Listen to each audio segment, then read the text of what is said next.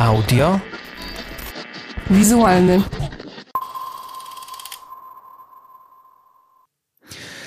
Dzień dobry albo dobry wieczór. Nazywam się Karol Szafraniec, jestem kulturoznawcą, filmoznawcą, a to kolejny odcinek podcastu audiowizualny. Podcast opowiada o filmach, szeroko rozumianej kulturze audiowizualnej, także o tym, co oglądamy, o tym, co słuchamy i o tym, jak czasem jedno łączy się z drugim, a więc nie tylko filmy. No ale tym razem dzisiejszy odcinek jest bardzo, bardzo filmowy, bo zgodnie z coroczną tradycją e, będę komentował e, nominacje Oscarowe i co ciekawe, Wydawało mi się na początku, dwa lata temu, kiedy pierwszy raz taki odcinek nagrywałem, że jest to być może nikomu niepotrzebne, ponieważ e, no, bardzo wiele e, osób nagrywa odcinki, e, czy to na YouTubie, czy w formie pisemnych komentarzy też, czy w formie właśnie odcinków audio, podcastowych, swoje komentarze do tego, jak wyglądają nominacje Oscarowe w danym roku, ale okazuje się, że obydwa moje odcinki na ten temat są dość słuchane.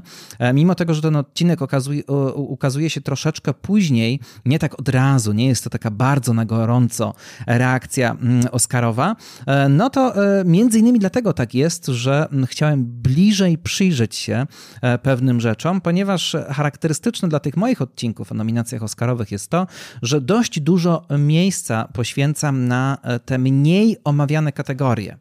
Takie kategorie jak film dokumentalny, krótkometrażowy i pełnometrażowy, czy film fabularny.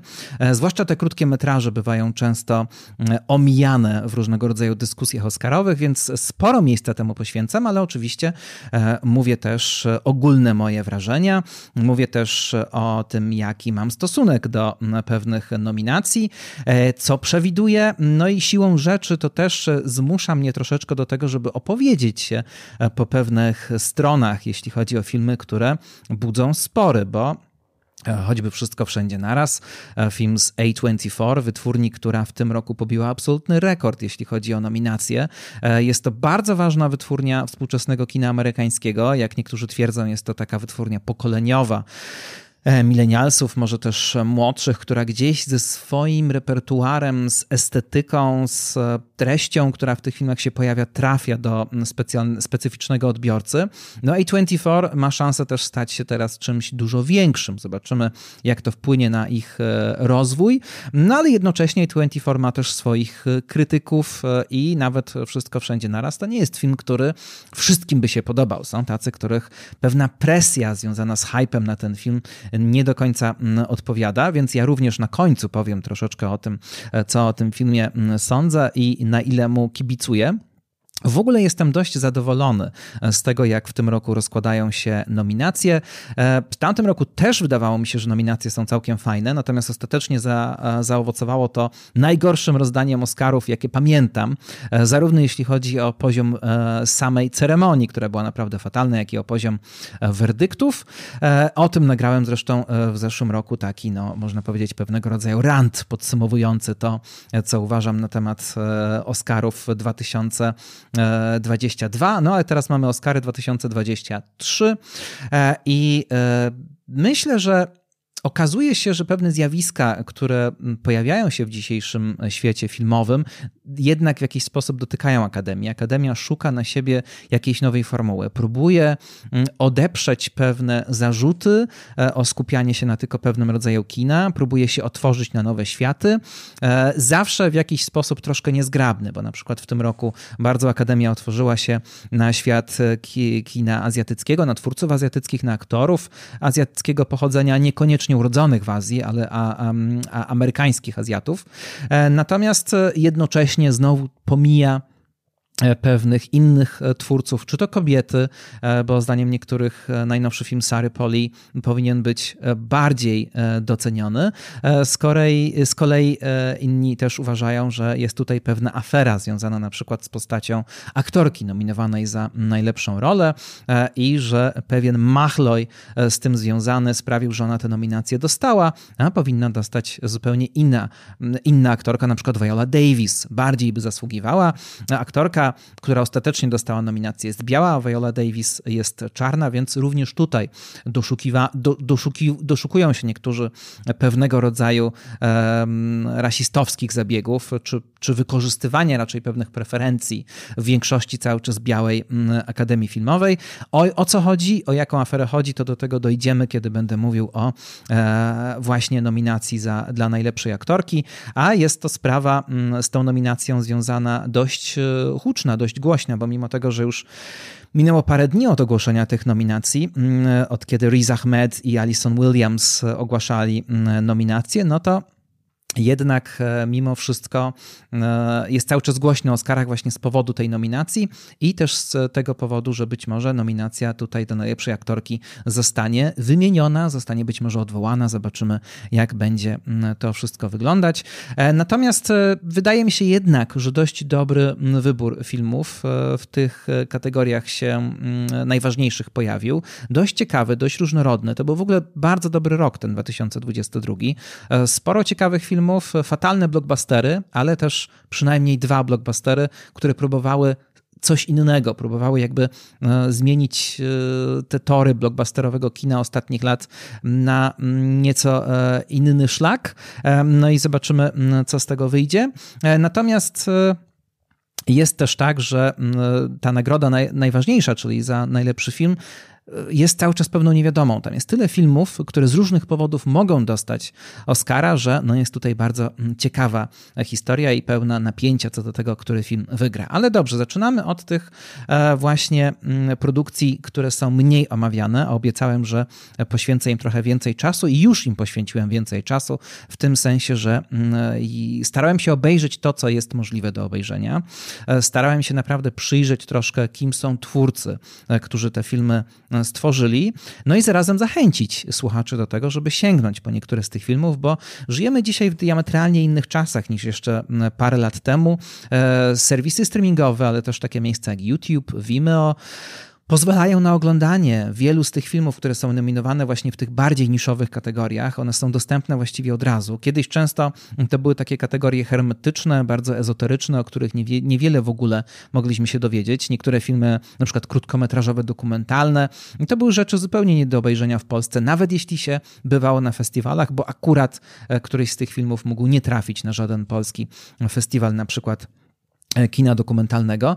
No teraz jest inaczej, teraz e, albo te filmy są dostępne tak od ręki, albo mm, wiemy, że niedługo będą i wiemy mniej więcej, gdzie będzie można je zobaczyć, no ale to e, daje taki fajny obraz, że teraz zwykła osoba siedząca przed komputerem, czy nawet przed smartfonem w swoim domu ma dostęp i może sobie wyrobić własne zdanie co do tego, czym żyją Oscary i czym żyje w tym momencie świat filmowy. I oczywiście przy wszystkich filmach będę starał się mówić mówić o tym, gdzie można je w tym momencie zobaczyć. No i oczywiście będę też mówił o, jeśli jakiegoś filmu nie można nigdzie zobaczyć, to też o tym wspomnę. Zaczynamy od kategorii najlepszy film krótkometrażowy. E, najlepszy film krótkometrażowy nie mm, animowany.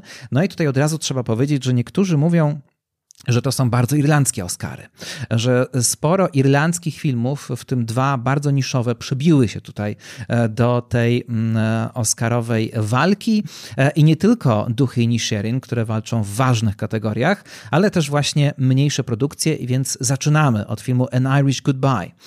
To film z północnej Irlandii, film, którego nie można w tym momencie legalnie w Polsce nigdzie mm, obejrzeć, ale można się o tym filmie troszeczkę dowiedzieć. 23-minutowy film Toma Berkeleya i Ross White'a. E, to są twórcy, którzy ze sobą współpracują już od jakiegoś czasu. To jest ich e, drugi film. Opowiada on o braciach, z których jeden, jeden ma zespół Downa. No i jest to taka opowieść o pożegnaniu.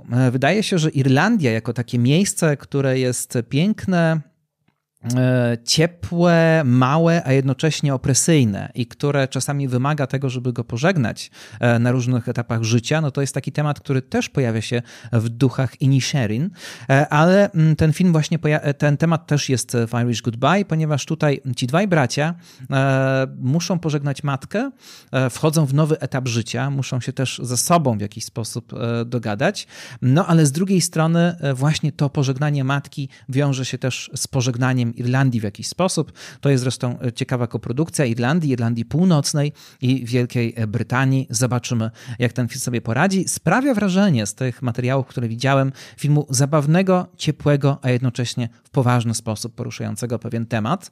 Mm, Iwalu Andersa Waltera, 16-minutowy film z Danii, e, to film dziejący się na Grenlandii i to również film, którego niestety nie można w Polsce zobaczyć, ale jest to adaptacja powieści graficznej Mortena Dura i Larsa Hornemana, e, bardzo nagradzanej, bardzo docenianej. E, powieść graficzna poruszająca mroczne, niezwykle tematy.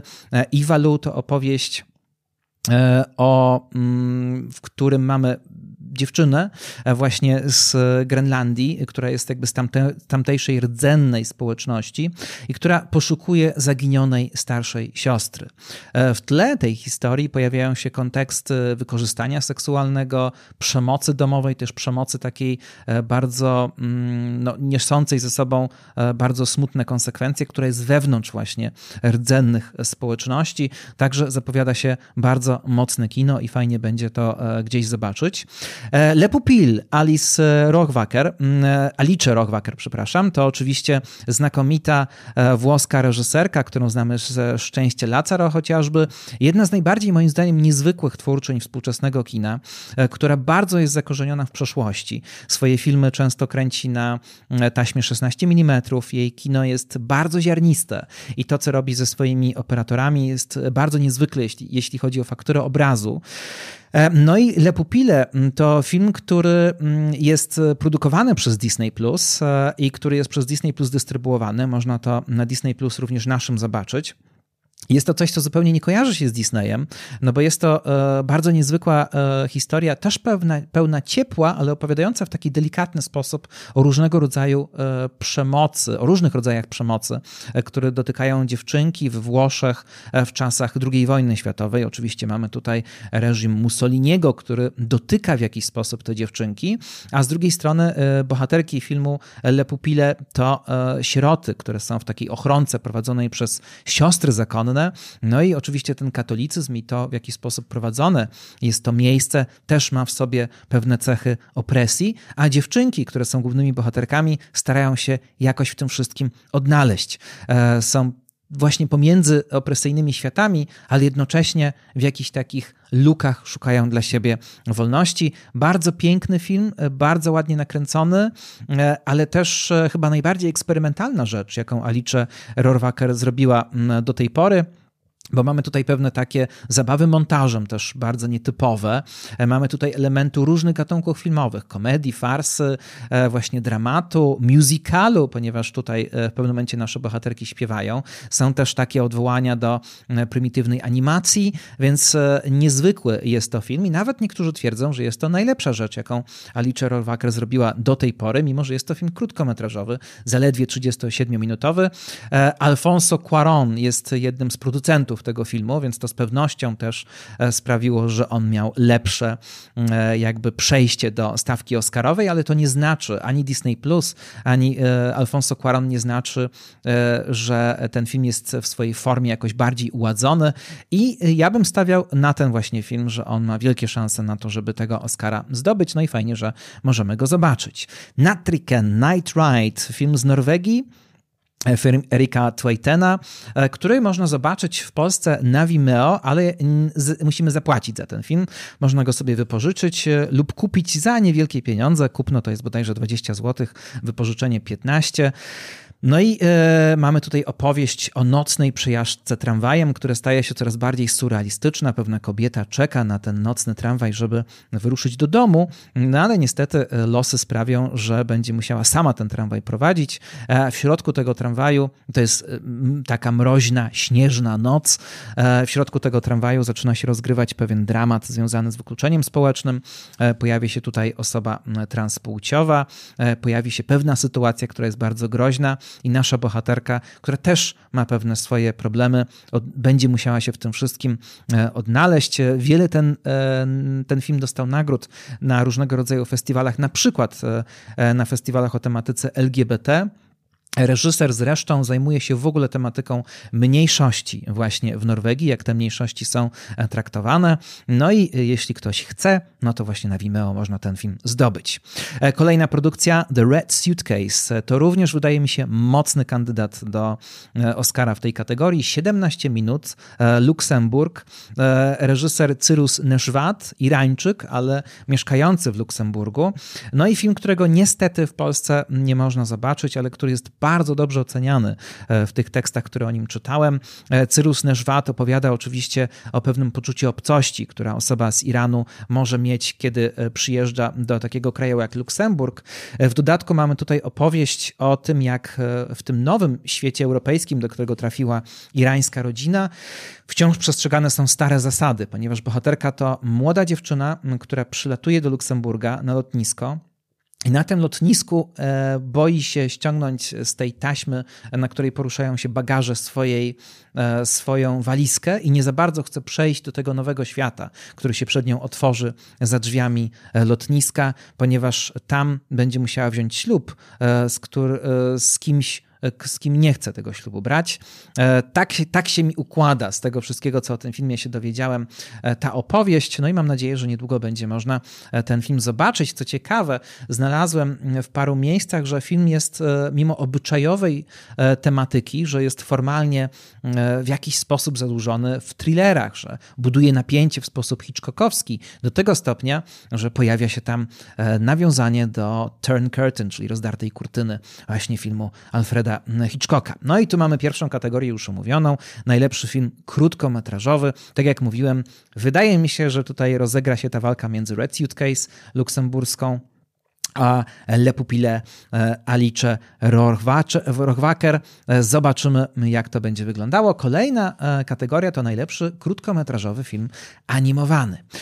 No i tutaj mamy e, również bardzo ciekawe rzeczy. To jest w ogóle bardzo ciekawa kategoria, dlatego, bo ona w przeciwieństwie do mm, krótkiego metrażu, e, w przeciwieństwie do pełnego metrażu animowanego, otwiera się na kino animowane, bardziej eksperymentalne, bardziej autorskie, bardziej nietypowe. Oczywiście, jak zawsze w tego typu kategoriach, dostają się niestety do walki Oscarowej te filmy, które mają świetną promocję, które umieją jakby o siebie zadbać, albo które znajdują bardzo dobrych opiekunów opiekunów. I w wielu filmach krótkometrażowych takim opiekunem jest New Yorker, e, który znajduje ciekawe kino krótkometrażowe. Warto śledzić New Yorkera na YouTubie, ponieważ mnóstwo tam jest e, interesujących krótkich metraży i animowanych, i aktorskich e, z całego świata. No i bardzo często jest tak, że te filmy, które w krótkometrażowych kategoriach są nominowane, na kanale New Yorkera albo można znaleźć, albo można było znaleźć, bo przez jakiś krótki czas New Yorker je pokazywał. No więc e, tutaj mamy właśnie otwarcie się na e, inny świat, na świat bardziej artystyczny, ale ci, którzy na przykład są na festiwalach filmów dokumentalnych czy na festiwalach kina animowanego, świetnie wiedzą, że e, często o wiele więcej, o wiele ciekawszych filmów z tych kategorii pojawia się na takich festiwalach, no ale nie wszystkie mają taką, e, takie dobre mm, podejście promocyjne, czy mają jakby tak, tą siłę przebicia, żeby zostać zauważonym w Stanach Zjednoczonych, ale to nie znaczy, że e, te filmy są nieciekawe, które ostatecznie te nominacje dostały. I tutaj naprawdę mm, część można e, sobie zobaczyć na własną rękę. Zaczynamy od filmu mm, The Flying Sailor, czyli filmu, który właśnie jest dostępny na YouTube YouTubie, e, który jest dostępny na kanale New Yorkera. 7 minut 55 sekund. E, film zrobiony przez Wendy Tilby i Amanda Forbes e, i film, który jest zrobiony, wyprodukowany przez National Film Board of Canada. I to też ma ogromne znaczenie, ponieważ Kanada to jest absolutny gigant animacji, e, animacji autorskiej, animacji artystycznej. Warto pamiętać, że nawet nasi wielcy twórcy animacji, także tej bardzo eksperymentalnej, jak Julian Antonisz na przykład, oni się wzorowali e, gdzieś właśnie na kanadyjskich twórcach, którzy zaczynali uruchamiać jakieś nowe techniki animacji. National Film Board of Canada, firma państwowa, jest takim mecenasem, takim opiekunem od dziesiątek lat kina animowanego Kanadę i ciągle jest to taki kraj, który naprawdę o animację dba. I jak się okazuje, kino animowane produkowane w Kanadzie wciąż wiele znaczy i wciąż dostaje nominacje Oscarowe. Czasami dosłownie, tak jak w przypadku filmu Flying Sailor, właśnie film z National Film Board of Canada jest nominowany, a czasami pojawiają się filmy, które nie są kanadyjskie, ale nawiązują gdzieś do tej kanadyjskiej szkoły animacji i w tym roku będziemy mieć obydwa takie przypadki. E, Flying Sailor to mm, e, opowieść, którą właśnie można zobaczyć, która bardzo pięknie e, łączy w sobie różne techniki animacyjne. Mamy tutaj naprawdę taki film, gdzie e, jest rysunek, gdzie jest e, z pewnością animacja komputerowa, która to wszystko łączy. Mamy też coś w rodzaju takich elementów jak z Stana Brockage'a, takiej animacji bezpośredniej, a to wszystko jest taką impresją o pewnym marynarzu, który w porcie widzi kolizję dwóch statków, następuje eksplozja, nasz bohater zostaje wyrzucony w powietrze i ten moment jego zawieszenie między życiem a śmiercią, która za chwilę przecież może nadejść, jest takim momentem medytacji nad własnym życiem, nad E, ludzkością, naturą i to wszystko brzmi strasznie pretensjonalnie, ale w tej formie, w którą ten film jest ubrany, jest bardzo zgrabne, bardzo ładnie zrobione, ale też właśnie różne szkoły animacji, różne techniki artystycznej animacji autorskiej w tym Flying Sailor się pojawiają i wygląda to bardzo, bardzo interesująco, bardzo poetycko. I co ciekawe, ta historia, o której ten film opowiada, o tym, czyli ten marynarz, który został wyrzucony w powietrze na skutek wybuchu, to jest historia autentyczna. The Boy, The Mole, The Fox and the Horse. Chłopiec, kret, lis i koń. Produkcja BBC, którą w Polsce można zobaczyć na Apple TV, jeśli ktoś ma abonament. 34 minuty. No i to z pewnością jest taki mocny kandydat, chociaż najbardziej tradycyjny, bo jest to w zasadzie książka, jest to w zasadzie film dla dzieci, bazujący na książce dla dzieci, um, która została stworzona przez Charlie'ego McKessiego, rysownika i pisarza, e, rysownika stałego pisma The Spectator. E, to jest oczywiście brytyjskie pismo. Karykaturzysta też, rysownik pracujący przy filmach, e, pracował m.in. z Richardem Curtisem przy e, To właśnie miłość, Love Actually. E, tam właśnie tworzył pewne rysunki, a książka The Boy, The Mole, The Fox and the Horse, Chłopiec, Kret, Lis i Koń, to książka, która wyszła także po polsku i która jest pewnym fenomenem, jeśli chodzi o filmy dla dzieci, o książki dla dzieci, książki takie filozoficzne w jakimś sensie, gdzie mamy zgodnie z tradycją starych bajek opowieści o zwierzętach, z których to te zwierzęta oczywiście symbolizują pewne wartości, ale to wszystko jest przefiltrowane przez współczesną wrażliwość i współczesne wartości, które mogą być trochę inne. Co ciekawe, e, ta opowieść, o której też sam e, autor mm, e, opowiada więcej, Charles Mackesy na swoim wystąpieniu TEDxa, które można zobaczyć na YouTubie, no to jest w dużym stopniu opowieść o tym, żeby troszkę mniej mówić, a więcej działać. Żeby zarówno w swoim życiu rzucać się bardziej na mm, szerokie wody, mniej myśleć o tym, co może nam się stać, a bardziej właśnie unikać pewnych schematów i po prostu być. E, e, a druga rzecz jest też w sferze wartości, że czasami o byciu dobrym, o dobru lepiej mniej mówić, a po prostu je robić. Zbyt duże mówienie o tym też przynosi czasami odwrotne rezultaty. Tak przynajmniej twierdzi właśnie twórca filmu, no ale z pewnością warto go zobaczyć, albo choćby sięgnąć po książkę z jego ilustracjami, żeby zobaczyć, sprawdzić o co chodzi.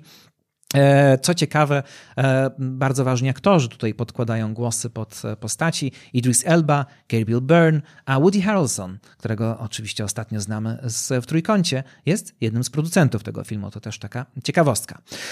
Kolejny film Ice Merchant. Ice Merchant, e, czyli film, który jest portugals portugalską produkcją, która była przez e, jakiś czas dostępna na kanale, kanale New Yorkera. Niestety w tym momencie już nie można tego filmu zobaczyć, natomiast można posłuchać z niego soundtracku, można zobaczyć jego zwiastun i można też obejrzeć making-offy. E, przy okazji też wywiady z João Gonzalezem, czyli portugalskim twórcą tego 14-minutowego filmu, który jest odpowiedzialny za wszystko w tym filmie. To jest taka prawdziwa autorska autorska animacja, montaż, e, rysunki, e, muzyka też przez niego stworzona. To jest ciekawe. Film dostał nagrodę w Cannes.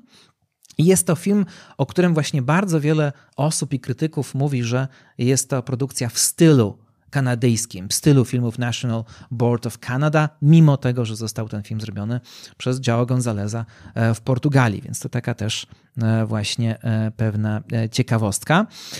No i jest to film, który opowiada o pewnych ludziach mieszkających, właściwie ojciec i syn mieszkają w takiej specyficznym, takim specyficznym domku, który jest na klifie. I codziennie z tego klifu E, zlatują na spadochronie do miasteczka, które jest u podnóża tego klifu. E, zlatują razem z lodem, który zbierają, będąc tam na górze, i potem ten lód sprzedają. I oczywiście wokół tego jest jeszcze, e, i wokół tego buduje się dużo znaczeń, dużo treści.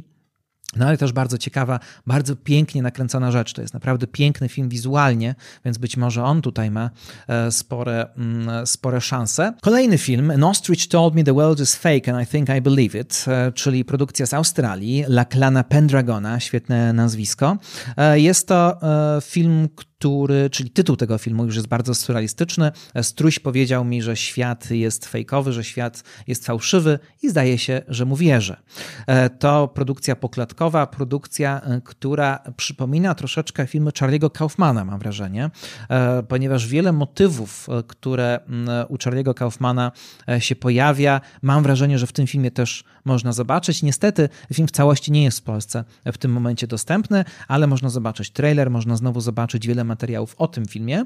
Natomiast jest to e, produkcja, która w zabawny, zdaje się, szalenie sposób opowiada o człowieku, e, który pracuje w pewnym biurze, o człowieku, który jest taką kukiełką, jak to w filmach poklatkowych, spotyka się z nimi kukiełkami, coś tam nie do końca działa i ten świat jest bardzo dziwny, ponieważ te kukiełki nie do końca funkcjonują tak, jak powinny i ta animacja poklatkowa w jakimś sensie jest zepsuta, ale bohater i inni tego nie zauważają. Natomiast e, w końcu, w pewnym momencie, właśnie dzięki temu tytułowemu e, strusiowi, nasz bohater zaczyna odkrywać, że coś tu jest nie tak i zaczyna sobie uświadamiać, że być może jest częścią poklatkowego świata animowanego, więc coś kawkowskiego, ale coś tego takiego też bardzo kaufmanowskiego tutaj się pojawia. E, An ostrich told me the world is fake and I think I believe it zrobiło mm, ten tytuł podczas e, nominacji zrobił, e, jakby sprawił, że pojawił się uśmiech na twarzach Riza Ahmeda i Alison Williams. No i tak samo było przy następnym filmie, który się w tej kategorii pojawia, czyli My Year of Dicks. Tutaj już tytuł e, właśnie wzbudził też e, już potężne salwy śmiechu i przez chwilę była taka przerwa w ogłaszaniu nominacji. To jest film Islandki Sary Gunnarsdottir, która pracowała przy różnych e, filmach animowanych, przy różnych serialach. Zazwyczaj zajmowała się takimi przerywnikami animowanymi, e, na przykład w serialach aktorskich, fabularnych. No a tutaj mamy jej pełnometrażowy film, który jest na bazie Pameli Ribbon, e, scenarzystki m.in. Moany, Ralfa Demolki w internecie, e, Smurfów, e, poszukiwaczy zaginionej wioski.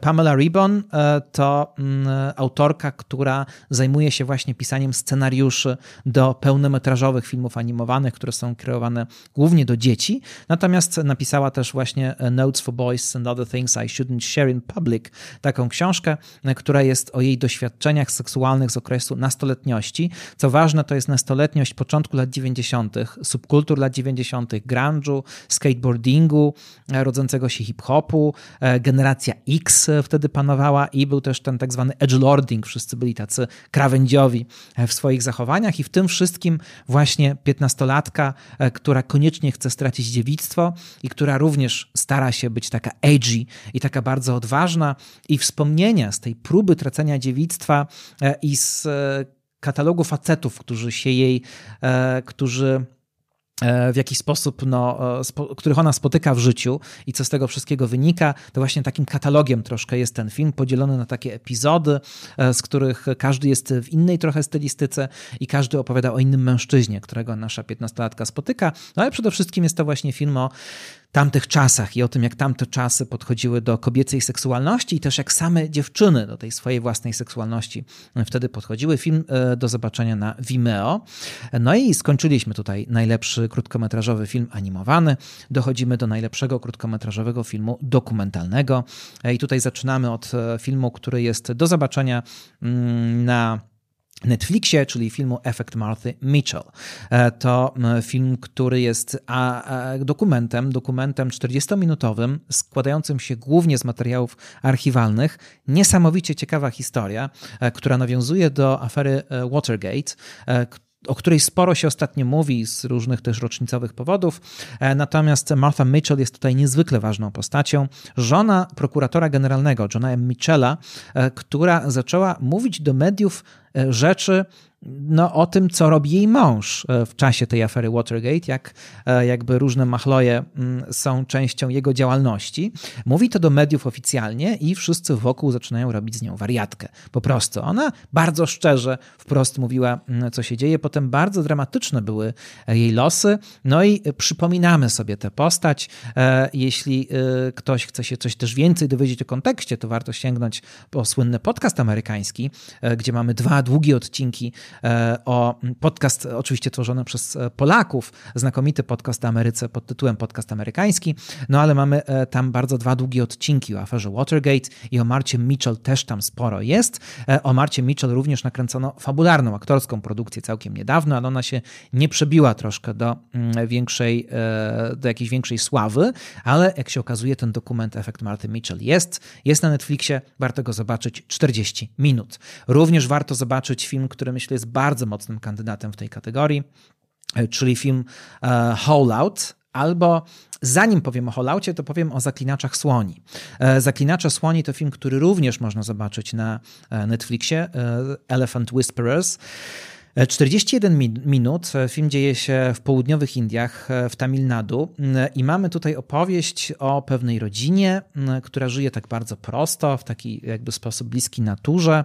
Żyje na terenie rezerwatu słoni e, i e, opiekuje się właśnie słońmi, które często są sierotami, tracą rodziców, e, dlatego że no, dzieją się różne rzeczy co do tego, w jaki sposób człowiek wykorzystuje naturę. To jest podobna sytuacja jak z dzikami trochę, kiedy osadnictwo ludzkie wchodzi coraz bardziej w tereny e, dzikiej natury. Słonie coraz bardziej tracą swoje naturalne miejsca życia, e, no i e, wchodzą na tereny ludzkie, co często sprawia, że giną na różne sposoby i zostaną, zostają potem małe słoniątka, e, którymi nie ma się kto zająć. I właśnie nasi bohaterowie, taka bardzo prosta rodzina, zajmuje się najpierw jednym, potem też drugim takim słoniątkiem.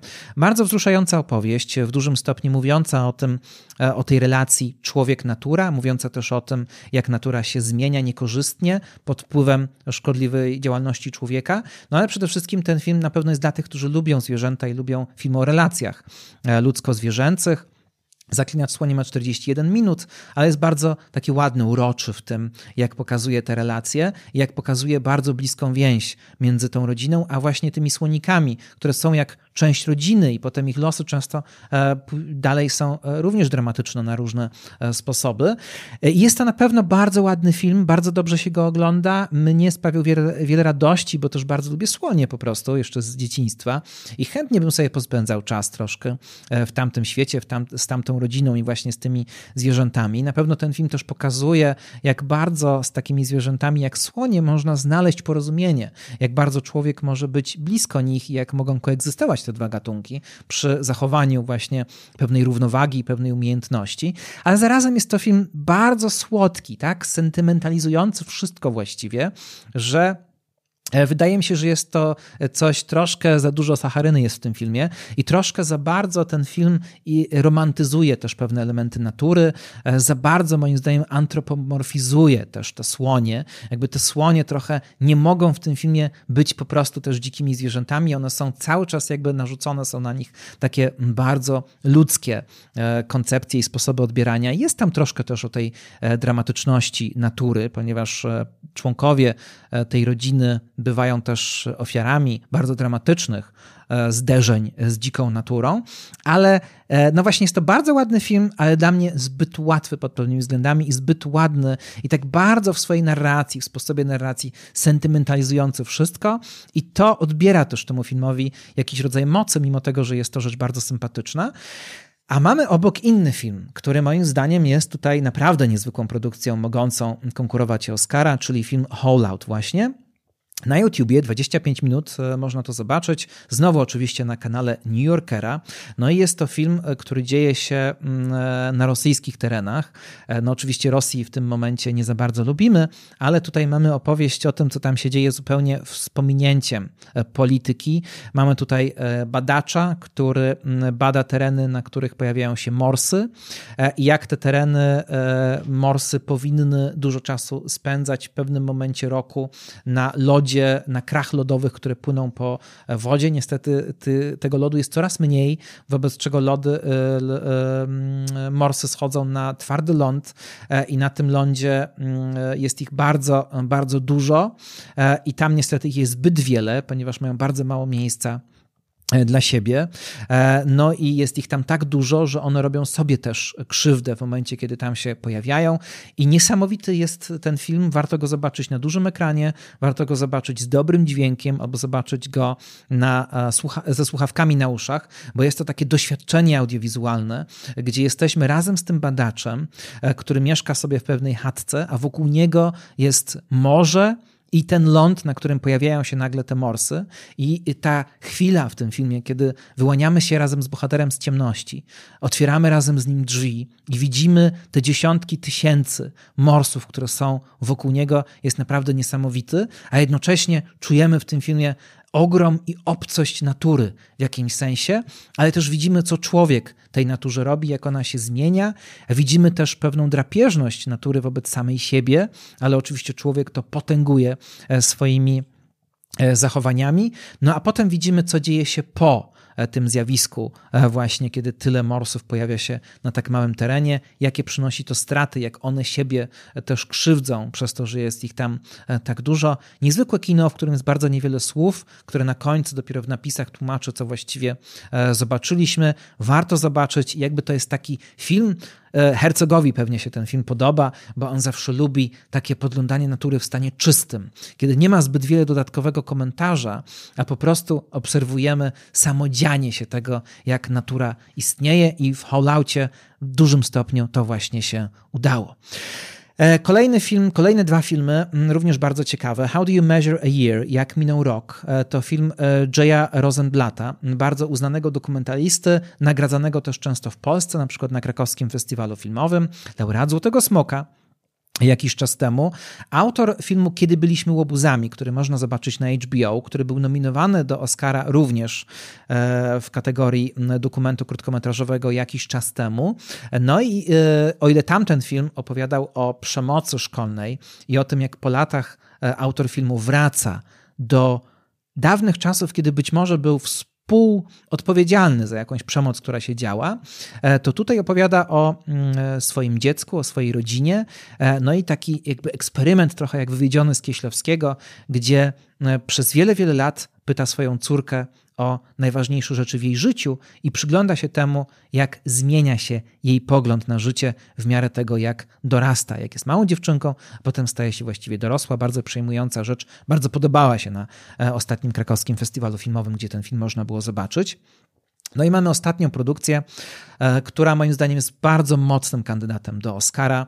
E, film 30-minutowy e, pod tytułem Stranger at the Gate, który w całości do zobaczenia na YouTubie, oczywiście również na kanale New Yorkera. Producentką jest Malala, słynna pakistańska aktywistka, laureatka pokojowej Nagrody Nobla. Reżyserem Joshua Seftel, który od lat 90. zajmuje się tematyką społeczną, kiedyś zasłynął takim dokumentem o e, rumuńskich sierocińcach, o rumuńskich sierotach właściwie. No a teraz mamy film Stranger at the Gate i ta półgodzinna e, historia jest naprawdę, naprawdę bardzo, bardzo mocna, bardzo wstrząsająca. Jest ten film moim zdaniem emocjonalnie momentami zbyt dociśnięty, e, no i to przez to tworzy taki wyciskacz łez, ale z drugiej strony ma ten film na czym te łzy budować, bo jest to historia, która dotyka współczesnych problemów, a zarazem jest to historia, która wychodzi jakby z innych troszkę systemów podejścia do winy, do krzywdy, niż niektóre dyskursy, które dzisiaj dominują, które każą nam być takimi szlachetnymi ludźmi od zawsze. Jeśli przyznajemy się do tego, że kiedyś e, robiliśmy innym coś złego, to często możemy nie dostać wybaczenia. A ten film idzie w zupełnie inną stronę, bo Stranger at the Gates to historia, która w ogóle zaczyna być opowiadana, tak się zaczyna ten film, gdzie mamy dziec- młodą dziewczynę. Ta młoda dziewczyna opowiada o swoim ojczymie, którego bardzo kocha, którego bardzo lubi, do którego się bardzo przywiązała i który jest bardzo dobrym człowiekiem, jej zdaniem, a który e, był żołnierzem. E, potem, kiedy był żołnierzem, zabijał muzułmanów, to jest wprost powiedziane. Zmienił się bardzo. E, bardzo nienawidził muzułmanów, ale miał też różnego rodzaju problemy z alkoholem, ze swoją psychiką po tym, co działo się na wojnie. Wrócił do Stanów Zjednoczonych, zobaczył, że w pobliżu buduje się meczet, że w pobliżu tego, gdzie żyje jej dziecko, e, są muzułmanie, że muzułmańskie dzieci zaczynają chodzić do szkoły, do której chodzi jej, jego dziecko, i on chce z tym coś zrobić. I on chce wysadzić tych muzułmanów w powietrze. Chce podłożyć bomby pod meczet, chce zrobić coś bardzo złego e, i taki ma plan. Ale zanim to zrobi, to musi pójść zobaczyć tych ludzi, żeby mieć dowód dla siebie na to, że oni tam naprawdę są i że oni przejmują ten teren. I kiedy tam przychodzi i widać, że jest człowiekiem ze złymi zamiarami, miejscowa społeczność muzułmańska wita go w najbardziej empatyczny sposób, jaki jest możliwy czego on zupełnie nie rozumie, ponieważ on liczył na to, że zobaczy ludzi, którzy chcą go zabić, którzy chcą eksterminować wszystkich białych stamtąd, wobec czego on ich musi uprzedzić po prostu. I sposób, w jaki został przyjęty, sprawia, że on się przed nimi otwiera, że mówi im, co chciał im zrobić, mówi im, co robił muzułmanom na wojnie, i oni przyjmują go do swojej społeczności. I tam jeszcze jest wiele w tym filmie, ale jest to niezwykła opowieść o tym, jak uprzedzenia znikają w bezpośrednim kontakcie z tymi, do których jesteśmy uprzedzeni, ale jest to też niezwykła opowieść o przebaczeniu, gdzie częścią wspólnoty, otoczonym miłością, zrozumieniem, staje się ktoś, kto chciał tę wspólnotę dosłownie wymordować. E, I to jest pod wieloma względami jakby w poprzek właśnie dzisiejszych podziałów, gdzie nie szukamy szansy też często na jakiś rodzaj wybawienia dla tych, którzy przez długi czas stąpali po złej drodze. E, tak jak mówiłem, jest to film emocjonalnie trochę zbyt dociśnięty czasami, ale e, naprawdę jest to poruszająca historia, prawdziwa historia. No i myślę, że ten film jest absolutnie e, wielkim faworytem do tego, żeby Oscara dostać właśnie w kategorii najlepszego krótkometrażowego dokumentu. W całości, tak jak mówiłem, dostępna jest ta rzecz na mm, kanale New Yorkera na YouTubie. Warto, warto zobaczyć. Kolejne pięć filmów za nami. Przechodzimy już do tych bardziej mainstreamowych e, kategorii i tutaj będę już dużo bardziej skrótowy, ale parę moich komentarzy też się znajdzie. Najlepsza charakteryzacja i fryzury na zachodzie bez zmian. Tutaj mamy E, oczywiście taką sytuację, gdzie ten niemiecki film Netflixowy, e, który cały czas można, można zobaczyć, ma tak silne przebicie, że pojawia się też w kategoriach zupełnie niezwiązanych z filmami nieanglojęzycznymi. To pokazuje jego siłę i to, że być może ten film ma szansę powalczyć również o Oscara za najlepszy film. E, mamy tutaj charakteryzację i fryzurę z Czarnej Pantery Wakandy w moim sercu, mamy Elvisa, mamy Wieloryba i tutaj oczywiście jest wielka kontrowersja, bo jak wiadomo, fakt, że Fraser e, w filmie Aronowskiego jest w jest jakby sztucznie e, przydano mu kilogramów, no jest to bardzo kontrowersyjne, więc wątpię, żeby Wieloryb dostał tę nagrodę. Natomiast jeśli chodzi o Batmana, to troszkę mi szkoda. Naomi Donny, Mike Marino i Mike Fontaine za Batmana są nominowani w charakteryzacji i fryzurach. Troszkę szkoda, że Colin Farrell, który w ogóle jest doceniony teraz, ale jest doceniony jakby, jeśli chodzi o tę rolę, bardziej za to, jak został charakteryzowany, niż jak zagrał rolę pingwina, a myślę, że akurat pingwin e, jest nie tylko dobrze ucharakteryzowany, ale naprawdę przez Farrella jest świetnie zagrany. On tworzy taki rodzaj trochę pastiszu Roberta De Niro w tym Batmanie, no a w ogóle cały ten Batman e, ostatni Mata Reevesa troszeczkę moim zdaniem niedoceniony. Szkoda, że takie ambitne blockbustery nie są bardziej czasami zauważane przez e, Akademię. A to w końcu był niezły film, chociaż mam do niego e, pewne zastrzeżenia. Najlepszy dźwięk, i tutaj oczywiście ja się nie znam zupełnie na tym za bardzo, nie jestem w stanie e, zbyt wiele skomentować. Powiem tylko, że na zachodzie bez zmian, Avatar Istota Wody, Batman znowu, Elvis, Top Gun Maverick. E, no, faktycznie w Top Gunie ten dźwięk ma ogromne znaczenie. Natomiast tutaj może warto powiedzieć tylko tyle. Jestem ciekaw, jak dźwiękowcy komentują te nagrody. Może kiedyś trzeba będzie z kimś porozmawiać, kogoś zaprosić. No dlatego, że kiedyś dźwięk miał dwie nominacje za najlepszy dźwięk, za najlepszy montaż dźwięku, Best Sound i Best Sound Editing. Teraz to znika. Nie za bardzo wiem dlaczego. E, no i być może dlatego, że właśnie dla e, oglądających Oscary e, to rozróżnienie jest nie do końca zrozumiałe. No i kiedy coś jest niezrozumiałe, to jest strach, że mniej ludzi będzie oglądać Oscary, no więc trzeba pewne rzeczy upraszczać. Więc ostatecznie mamy najlepszy dźwięk skompresowany do tylko jednej kategorii. Najlepsze efekty specjalne, oczywiście te wizualne, na zachodzie bez zmian, a, a to też ciekawe, że efekty specjalne i nieamerykański film w tej kategorii. Avatar Istota Wody, to jest oczywiście, e, no niesamowity jest ten film, jeśli chodzi o efekty wizualne, ale większość tych efektów to jest e, CGI i tutaj też mamy taki problem etyczno-formalny, bo niektórzy twierdzą, że właściwie Avatar ma w sobie tak dużo CGI, że w zasadzie jest to film animowany. I czy taki awatar nie powinien kandydować w ogóle e, właśnie jako film animowany, a nie razem z filmami aktorskimi? Czy CGI, kiedy jest w tak dużym procencie na ekranie, można traktować jeszcze jako efekt specjalny, czy już po prostu jako to, że właśnie film jest po prostu animacją? No to jedno e, z wielu pytań. Mamy znowu Batmana. To ciekawe, że ten Batman w tych kategoriach technicznych tutaj absolutnie się pojawia. Niestety w innych nie. Czarna Pantera Wakanda w moim sercu. Film Marvela, który jest tutaj najbardziej reprezentujący e, całą marvelowską stajnię. No i oczywiście Top Gun Maverick, co tutaj jest ciekawe, no bo Top Gun to film w dużym stopniu bazujący na practical effects, na, te technologiach niekomputerowych i w ogóle też na filmowaniu rzeczywistych samolotów, rzeczywistych sytuacji. Wiadomo, że Tom Cruise ma na temat tego obsesję, ale jest to obsesja w jakimś sensie słuszna, jako kontra do tego, jak tworzy się właśnie w dużym stopniu animowane e, blockbustery w większości dzisiaj. Najlepszy montaż Duchy i Nisherin, e, Elvis, Wszystko Wszędzie Naraz, Tar, Top Gun Maverick, Tar tutaj mnie bardzo ciekawi, że ten film jakby pojawia się e, przede wszystkim obok e, produkcji, które są bardzo takie e, wybuchowe w swojej narracji, e, ale też Duchy i Nisherin, no to taki film bardzo klasyczny, faktycznie bardzo pięknie składa się cała ta opowieść. No zobaczymy, ale kto wie, być może wszystko wszędzie naraz tutaj dostanie nagrodę, chociaż ja mam pewien problem z montażem w tym filmie. Właśnie montaż był jedną z tych rzeczy, które mnie najbardziej rozczarowały.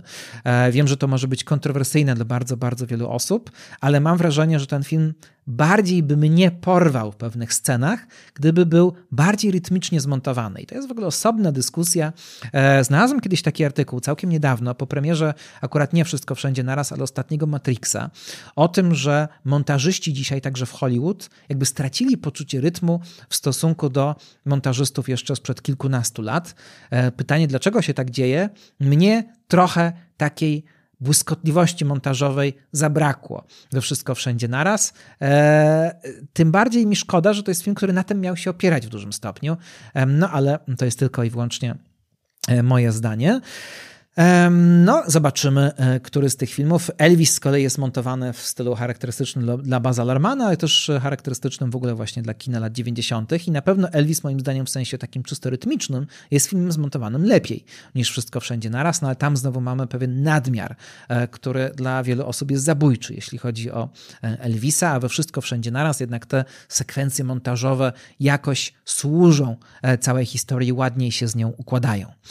Najlepsze kostiumy, Babylon, e, Czarna Pantera, Wakanda w moim sercu. Babylon tutaj jest akurat doceniony, bo to taki wielki nieobecny, a przecież to miał być film Oscar e, baitingowy. E, Elvis, Wszystko Wszędzie Naraz, Czarna Pantera, Babylon i Paryż pani Harris. Chyba jedyna nominacja dla tego filmu. Nie znam się na kostiumach, ale jestem oczywiście ciekaw, która z tych produkcji zostanie doceniona. Scenografia, production design, czyli coś jakby szerszego niż scenografia, znowu na zachodzie bez zmian. Tutaj ciekawa, właśnie nie amerykańska produkcja w tak wielu e, tych tak zwanych technicznych kategoriach, chociaż już production design to jest coś bardzo artystycznego również. Avatar tutaj znowu się pojawia. E, Babylon, Elvis i Fablemanowie, czyli to oddanie tego świata z dawnych czasów, z młodości Stevena Spielberga, okazuje się, zostało zrobione w sposób bardzo przekonywujący.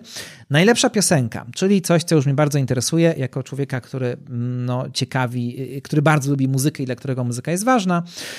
No i mamy tutaj Diane Warren, o której bardzo wiele się mówi, bardzo o niej się wiele pisze. E, e, piosenka Applause z filmu Tell It Like a Woman. Diane Warren to wielka nestorka, już można powiedzieć piosenek popowych amerykańskich, wielokrotnie nominowana do Oscara za najlepszą piosenkę, nigdy tego Oscara nie dostała. Dwa razy została ograbiona przez piosenki bondowskie, jak powiedziała. E, no i zobaczymy. Niektórzy liczą na to, że ona wreszcie dostanie, właśnie jako taka e, wielka e, postać amerykańskich songwriterek popowych. Ja nie przepadam, szczerze mówiąc, za piosenką Applause. W ogóle słabe są te piosenki w tym roku i to już kolejny rok, e, kiedy e, nie podobają mi się za bardzo produkcje, które są nominowane. E, nie przepadam też, szczerze mówiąc, w ogóle za dorobkiem Diane Warren. Akurat piosenki, które ona pisała również wcześniej niespecjalnie mnie pociągały. No i cóż, w tej kategorii nie za bardzo jej kibicuję, nie jest to mój faworyt. Piosenka Hold My Hand, Stop Gun, Lady Gagi, którą oczywiście Lady Gaga współpisała, bo ona jest kompozytorką też swojego repertuaru no to też piosenka, która mi się nie podoba. Straszliwie pompatycznie, pompatyczna, straszliwie banalna, a przede wszystkim no, no, no, od razu mnie się przypomina Take My Breath Away zespołu Berlin e, z pierwszego Top Guna, która to może nie była jakaś wybitna piosenka, ale miała niesamowity nastrój poprzez to, jak została wyprodukowana e, przez Giorgio Morodera. E, no i to jednak jest klasyk lat 80. i piosenka, w której naprawdę jest jakiś rodzaj uroku, jakiś rodzaj charyzmy do dzisiaj, a ta Hold My Hand nie ma zupełnie. To taka sterylna e, piosenka, dużo słabsza niż też przecież wiele innych piosenek Lady Gagi. Nie wiem dlaczego twórczynie i twórcy piosenek oscarowych muszą tworzyć takie patetyczne, łzawe hity i dlaczego potem ta komisja oscarowa, ta akademia naprawdę wybiera właśnie te filmy, które są takie patetyczne i łzawe. Przecież mogliby wybrać e, zupełnie coś innego. Mamy też piosenkę Lift Me Up Riany z Czarnej Pantery i znowu na tle na przykład piosenek z pierwszej Czarnej Pantery, które współtworzył Kendrick Lamar. E, ta piosenka pisana przez Ludwiga Goransona, e, czyli co ciekawe, bardzo czarny film. W pierwszej części była, była bardzo czarna muzyka, a tutaj mamy piosenkę napisaną przez e, bardzo znanego przedstawiciela szwedzkiej szkoły songwriterskiej, która jest bardzo ważna w amerykańskim popie. Napisał tę piosenkę Ludwig Göransson który ma polskie korzenie. Jego matka była warszawską kwiaciarką. E, no i teraz e, pisze piosenki dla Riany, ale to też dla mnie e, rozczarowanie. A przecież mamy tutaj coś dynamicznego, czyli Natu Natus, RRR, te 3R, film, który jest dostępny na Netflixie po zrobieniu specjalnego rytuału przełączenia Netflixa na angielski. No i Natu Natu to piosenka taka najbardziej urocza i wyróżniająca się też swoją choreografią, gdzie dwaj bohaterowie, a zarazem antagoniści poznają się i są na pewnej imprezie i zaczynają e, się popisywać swoimi umiejętnościami. E, no oczywiście niesamowity ten film z Telugu, e, z południowych Indii, kino z tamtego regionu, który jest inny niż bollywoodzkie, istnieje od wielu, wielu lat i ono jest właśnie takie, to znaczy jest pełne akcji, jest pełne odwołań do kina gatunkowego. To wszystko łączy się z melodramatem, łączy się e, z musicalem jak w Bollywoodzie, ale jest to jednak coś innego i kino Telugu czy kino z Tamil Nadu czyli z tego samego regionu, w którym dzieje się film Zaklinacze Słoni, e, no ono zazwyczaj jest e, właśnie pełne tematów polityczno-społecznych, których Bollywood ucieka, przynajmniej od których ucieka, albo przynajmniej nie porusza ich w sposób taki e, bezpośredni. E, warto to RRR zobaczyć, ale też wreszcie to kino się przebija, wreszcie ktoś zauważa, że takie kino istnieje z tą swoją własną, niesamowicie ciekawą poetyką. E, ale niestety mm, ten film e, przez e, tutaj naszą akademię został zauważony tylko tutaj. Wiele osób się spodziewało, że RRR mm, dostanie więcej nominacji. Najlepsza, a no jeszcze mam jedną piosenkę, czyli This is Life. I to jest mój faworyt. Piosenka z Wszystko Wszędzie Naraz. Połączenie różnych pokoleń. Zespół Son Lux, który stworzył muzykę do całego filmu, eksperymentatorski, zespół nieza, grający muzykę niezależną, ale bardzo ciekawą, wychylającą się w różne gatunki. E, obok tego Micki, czyli Micki Miyawaki, bardzo ciekawa songwriterka z pochodzenia japoński, japońskiego, e, która e, wydaje się być bardzo ważną postacią. Niektórzy twierdzą, że to jedna z najbardziej utalentowanych e, songwriterek, które pojawiają się w amerykańskiej piosence ostatniego czasu. No i razem z nimi senior już David Byrne, ekscentryk, wizjoner, lider e, Talking Heads i piosenka, która jest, e, ma bardzo wielu autorów, bo ona, jak Państwo posłuchają, jak, jak sobie posłuchacie, jest taką piosenką jakby kolażową, składającą się z kilku różnych piosenek, które siebie na, na siebie nakładają. Zupełnie jak e, właśnie w filmie Wszystko Wszędzie Naraz, gdzie mamy różne wersje naszych bohaterów. To wszystko jest pewnego rodzaju multiversum, ale wszystko zaczyna ze sobą razem grać. Tak samo jest tutaj, jak sobie zobaczycie, jak ta piosenka This is Life jakie ona ma kredyty, ilu ma autorów, e, to jakby to wykracza ponad Son Lux, Micki i Davida, Davida Berna, e, więc właśnie mamy różne piosenki łączące się razem, różne też pokolenia, różne myślenia o muzyce, ale i Son Lux i Micki i David Byrne oczywiście są otwarci na eksperymenty. Warto powiedzieć, że David Byrne z jednej strony e, oczerniany czy oskarżany przez sekcję rytmiczną Talking Heads niedawno w książce o bycie takim wielkim megalomanem, który wszystkie sukcesy artystyczne Talking Heads zawsze przypisywał sobie, no to pewnie tak było, bo na pewno to był człowiek z wielkim ego, no ale z drugiej strony to e, pewnego rodzaju marka, która, e, która w postaci Davida Berna cały czas szuka nowych rzeczy. David Byrne cały czas współpracuje z młodymi twórcami z różnych gatunków muzycznych i w jakiś sposób legitymizuje z jednej strony u starszego pokolenia, a z drugiej strony u tych, którzy szukają muzyki popularnej, ale tej bardziej odważnej, bardziej eksperymentującej, bardziej, bardziej ciekawej różnych nieoczywistych e, rozwiązań. Także ja kibicuję na pewno e, Son Lux, Micki i Davidowi Byrne'owi najlepsza muzyka, czyli najlepszy score, czyli najlepsza partytura właściwie, zgodnie z oryginalnym jakby założeniem, no ale teraz to już jest po prostu najlepsza muzyka, e, czyli e, muzyka może powstawać na różne sposoby, więc otwieramy się nie tylko na taką muzykę e, klasycznie symfoniczną, bardzo wiele osób twierdzi, że to Justin Hurwitz, czyli Dostanie za Babylon. To jest oczywiście stały współpracownik reżysera La La Landu, czy Whiplash Justin Hurwitz tutaj tworzy muzykę, która e, ma oddawać charakter muzyki nagrywanej w czasach tego wczesnego Hollywoodu, w którym Babylon się dzieje, ale takiej muzyki, e, która, o której wiemy z różnych podań i z różnych wspomnień, że ona istniała, ale ona nigdy nie była nagrywana. I on stara się jakby stworzyć jak zastanowić się, jak taka muzyka mogła brzmieć, a jednocześnie łączy to z ciekawą muzyką ilustracyjną. I nawet ci, którzy nie lubią Babilonu, twierdzą, że naprawdę Justin Hurwitz robi tutaj sporo dobrej roboty i ma szansę. E, Volker Bertelmann za Na Zachodzie bez zmian, zobaczymy. I jakiś, od jakiegoś czasu już um, Oscary otwierają się trochę na twórców bardziej eksperymentalnych i ci twórcy bardziej eksperymentalni dostają e, czasami e, właśnie naprawdę nominacje albo nawet Oscary. ¿eh? I zobaczymy, czy Hauszka e, dostanie e, właśnie film, tę nagrodę za Na Zachodzie bez zmian, e, ponieważ Volker Bertelmann znany jest szerzej właśnie jako Hauszka, czyli jako człowiek, który łączy techniki awangardowe, czy kojarzone z awangardą, tak zwanego preparowanego fortepianu, który jakby uskuteczniał przede wszystkim John Cage i łączy je z ambientem, z taką muzyką środka, z taką muzyką bardziej popularną, troszkę troszkę taka haniarani, można powiedzieć, ale właśnie z użyciem e, e, preparowanego fortepianu. No i Hauszka jest bardzo popularny, tworzy też muzykę filmową do Liona, do Amonitu, między innymi, no a teraz do Na Zachodzie bez zmian. No zobaczymy. E, Carter Burwell za Duchy Inisherin to z kolei bardzo ładna muzyka. To stały współpracownik, stały kompozytor braci Cohen.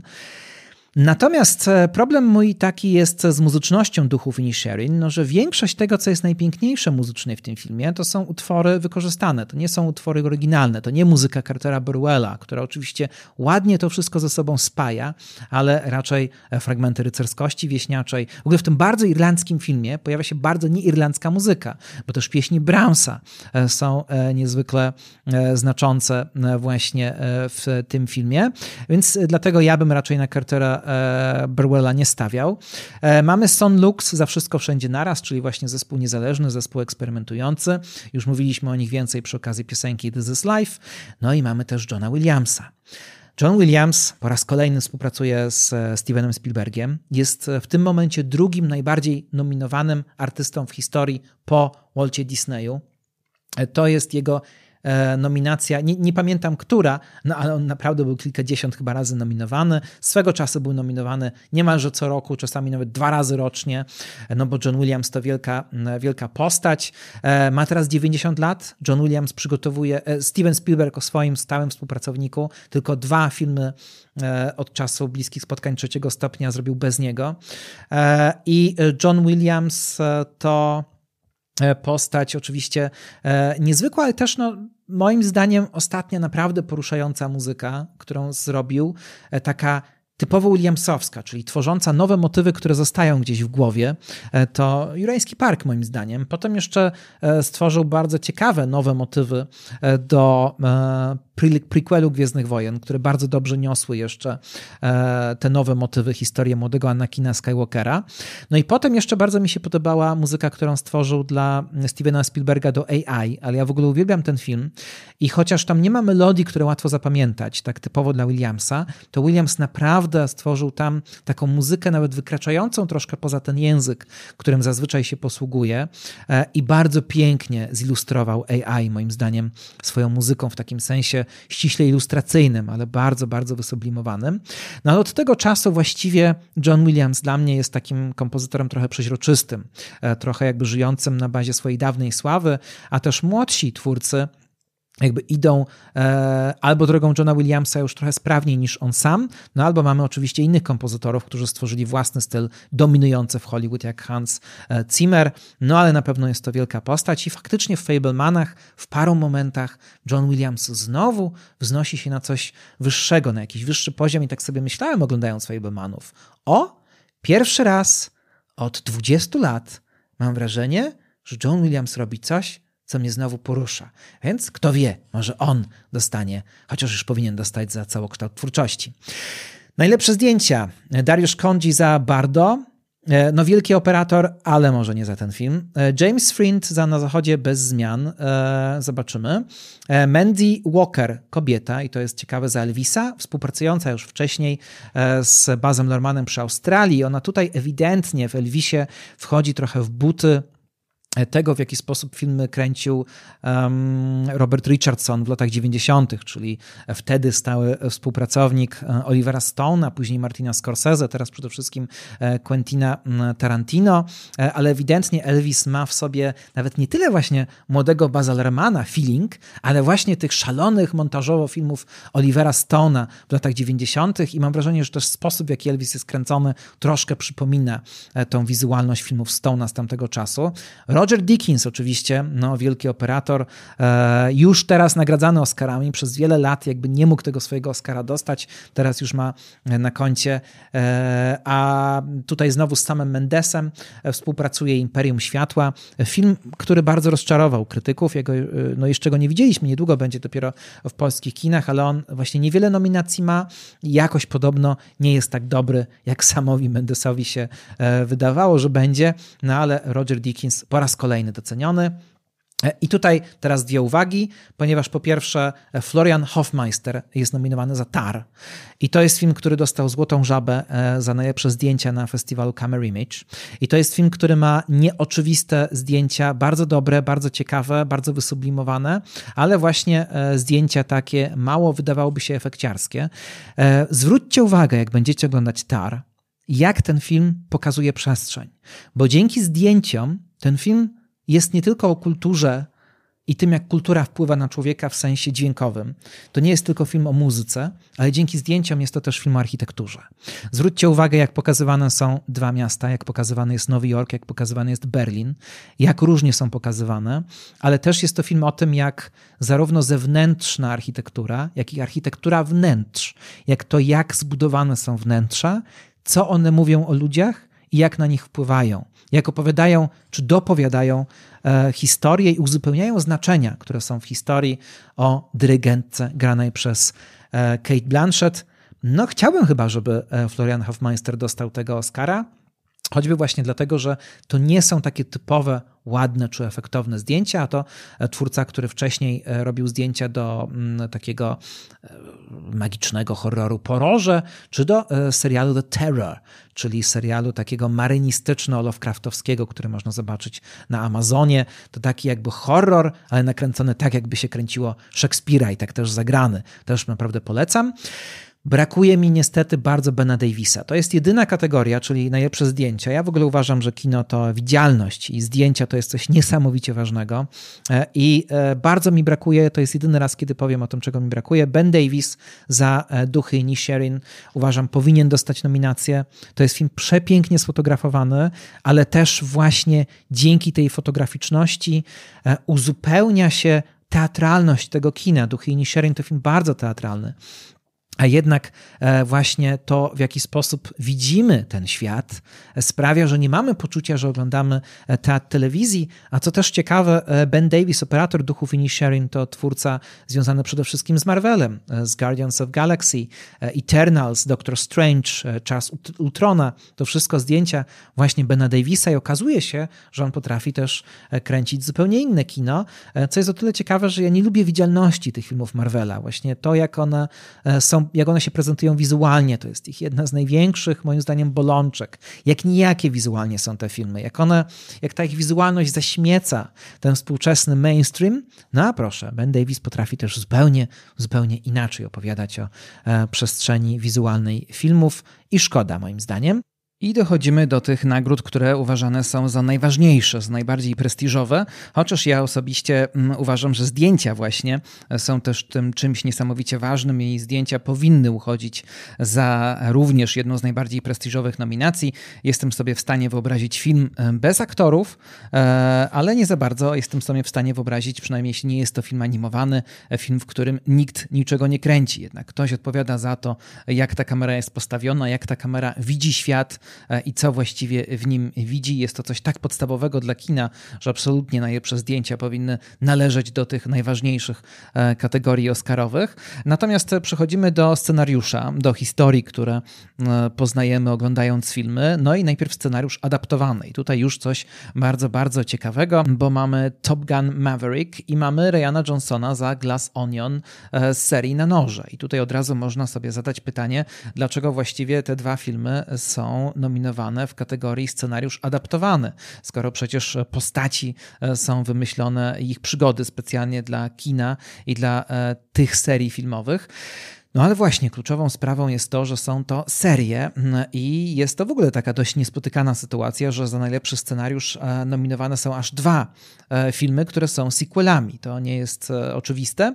I właśnie dlatego, że są to sequele, Akademia przestrzega tutaj swoich restrykcyjnych zasad. Film, który jest sequelem, zawsze ma scenariusz adaptowany, dlatego że wątki, postaci, motywy są już kontynuacją jakiegoś innego scenariusza, który powstał wcześniej, wobec czego w jakimś sensie są ich adaptacją. Dlatego właśnie i Ryan Johnson i towarzystwo dość spore, które jest odpowiedzialne za scenariusz Top Guna, e, tutaj są nominowani. Akurat ja nie za bardzo wiem, dlaczego ten scenariusz e, Mavericka e, został nominowany. Maverick naprawdę zasługuje na wiele, wiele nagród, w tym za nagrody techniczne, za nagrody takie czysto dotyczące czystego fachu inscenizacyjnego pewnie też, ale akurat scenariusz moim zdaniem niekoniecznie.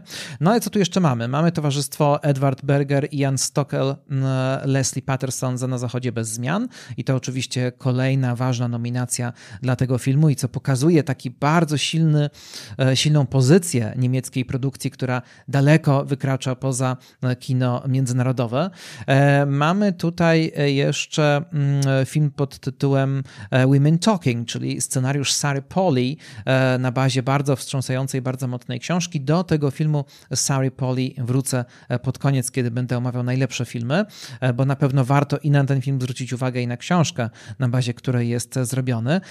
No ale mamy tutaj jeszcze jedną bardzo e, ciekawą sytuację, którą warto omówić, warto się na niej zatrzymać, czyli Kazuo Ishiguro, jego nominacja za film Living w reżyserii Olivera Hermanusa. No dlaczego to jest tak ciekawe? Po pierwsze, Kazuo Ishiguro to oczywiście noblista, pochodzą, pochodzący z japońskiej rodziny, ale urodzony w Wielkiej Brytanii pisarz, piszący po angielsku, e, twórca e, Okruchów Dnia chociażby, czy Never Let Me Go, no to taki twórca bardzo mocno zaprzyjaźniony z kinem, chociażby właśnie dlatego, że jego powieści bywały już tłumaczone na język kina, był członkiem tego słynnego jury kaneńskiego, kiedy to Krzysztof Kieślowski nie dostał nagrody za e, film Czerwony, a Złotą Palmę dostał Quentin Tarantino. No to bardzo przełomowa Złota Palma dla Pulp Fiction.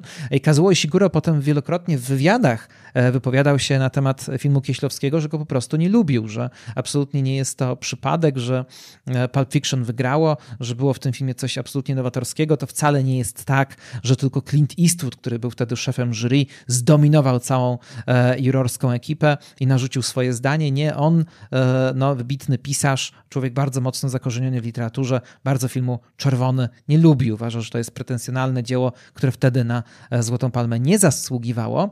No ale teraz e, Kazuo Ishiguro właśnie ma szansę być kolejnym noblistą, który dostaje Nobla, e, e, który dostaje Oscara. Dotychczas takich było dwóch.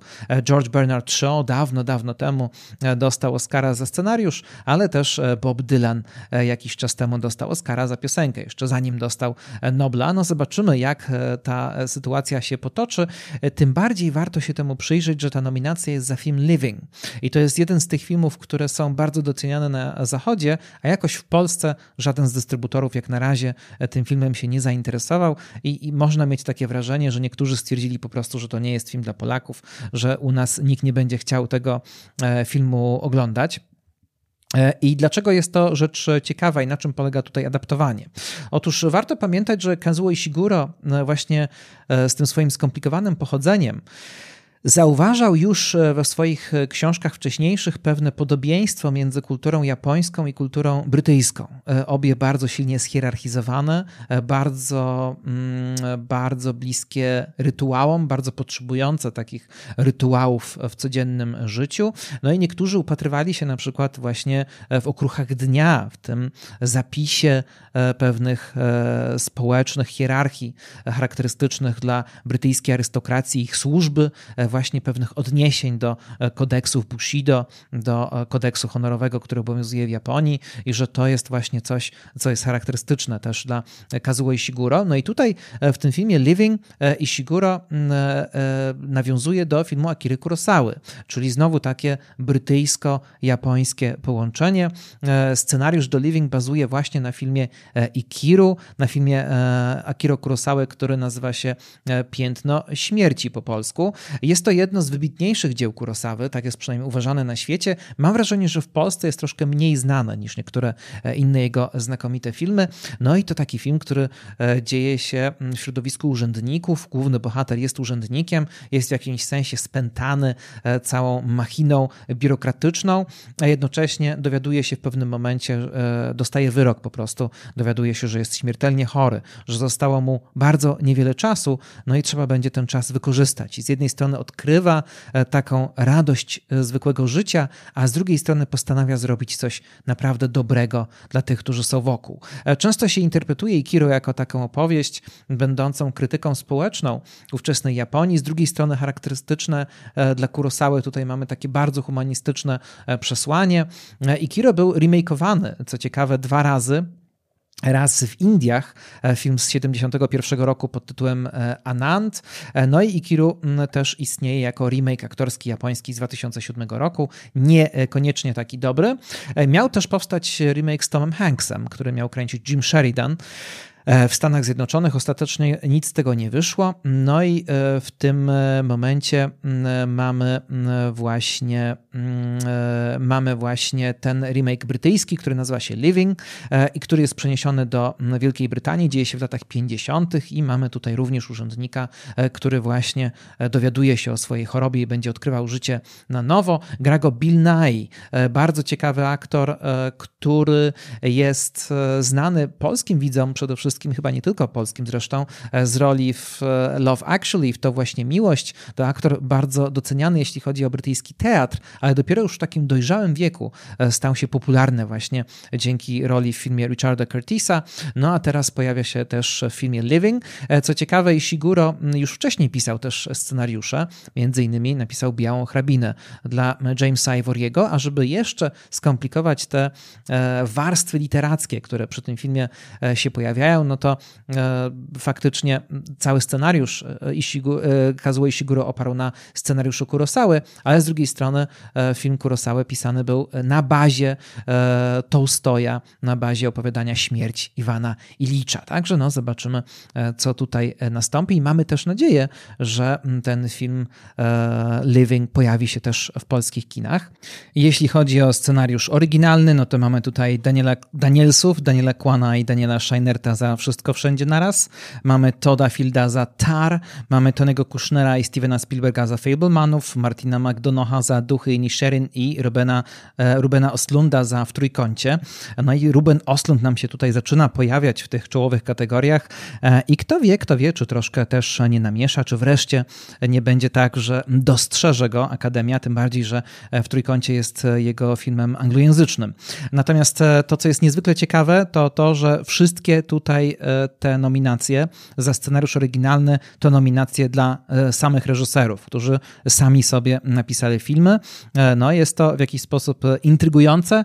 Steven Spielberg pojawia się tutaj z współpracownikiem, z Tonym Kushnerem, oczywiście wybitnym autorem sztuk teatralnych, wybitnym dramaturgiem, autorem Aniołów w Ameryce, który od 20 lat już prawie współpracuje ze Stevenem Spielbergiem, ale mimo tego, że ta współpraca trwa tak długo, no to zaledwie e, cztery scenariusze na razie razem stworzyli. E, Tony Kushner ze Spielbergiem pracował przy Monachium, to, był ich, to była ich pierwsza wspólna praca, potem Lincoln, potem West Side Story ostatnie, no i teraz znowu właśnie Fablemanowie. Warto też powiedzieć, że mąż Tony'ego Kushnera, jest odpowiedzialny za ten pomysł, by w roli Johnego Forda, e, Johna Forda na końcu filmu obsadzić właśnie Davida Lyncha.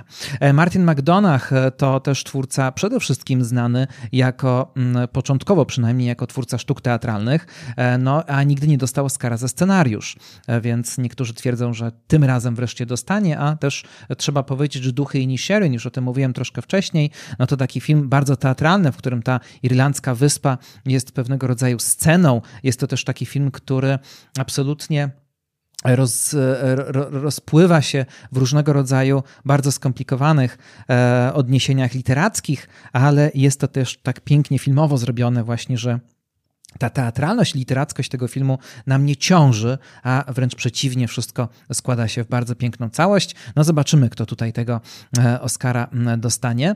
E, najlepszy film animowany, oczywiście już pełnometrażowy, tu mamy Guillermo del Toro Pinocchio, e, Kota w butach, Marcela Muszelkę w różowych bucikach. Dina Fleischera Kampa, mamy Morską Bestię i To nie wypanda. No i Tutaj trzeba powiedzieć o tej kategorii, że oczywiście zazwyczaj w, wygrywają wielkie produkcje tych wielkich studiów przeznaczone dla młodych widzów, wielkie animacje komputerowe.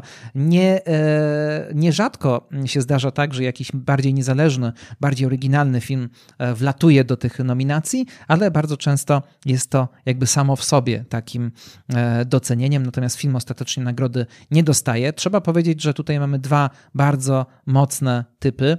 Z jednej strony Kot w butach, czyli właśnie kolejna duża studyjna komputerowa projekcja, e, produkcja, ale z drugiej strony Kod w butach e, DreamWorksów, e, spin-off Shreka oczywiście, i, I sequel to coś ciekawe, kontynuacja już pierwszego Kota w butach, ale jest to film e, znakomity, być może najlepszy film e, studia DreamWorks od czasu Jak wytresować smoka. E, no i jest to taka produkcja, która mówi o bardzo poważnych tematach, która wchodzi w temat śmierci, o którym wcześniej w zasadzie w mainstreamowym kinie animowanym mówił głównie Pixar i w momencie, kiedy Pixar ma trochę słabszy okres, to nagle DreamWorks się budzi i kręci film i bardzo dojrzały, i bardzo mądry, ale też bardzo ciekawy formalnie, bo ta animacja tutaj jest niejednoznaczna, no ale głównym konkurentem będzie oczywiście Guillermo del Toro. Jego Pinocchio, absolutnie zachwycająca produkcja. Znam nawet takich, którzy twierdzą, że jest to po prostu najlepszy film, jaki Guillermo del Toro w ogóle nakręcił.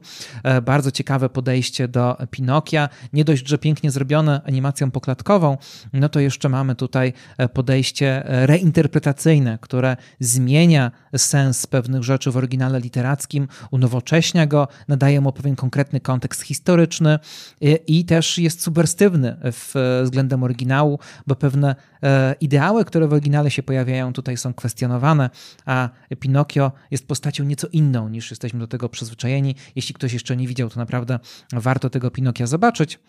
E, natomiast e, jeszcze tutaj niektórzy doceniają bardzo Marcela Muszelkę w Różowych Bucikach, czyli właśnie taki film poklatkowy, a jednocześnie wzruszający i piękny, jak filmy Pixara e, i wiele osób cieszy się, że ten film się pojawia. To nie wypada, to oczywiście Pixar, e, który tematycznie jest bardzo zbieżny z Wszystko Wszędzie Naraz, e, no, zrobiony przez azjatycką reżyserkę o azjatyckim pochodzeniu, która opowiada o swoim dorastaniu, o konflikcie między kanadyjską nowoczesnością a azjatycką tradycją i jak wszyscy się tutaj uczą od siebie nawzajem.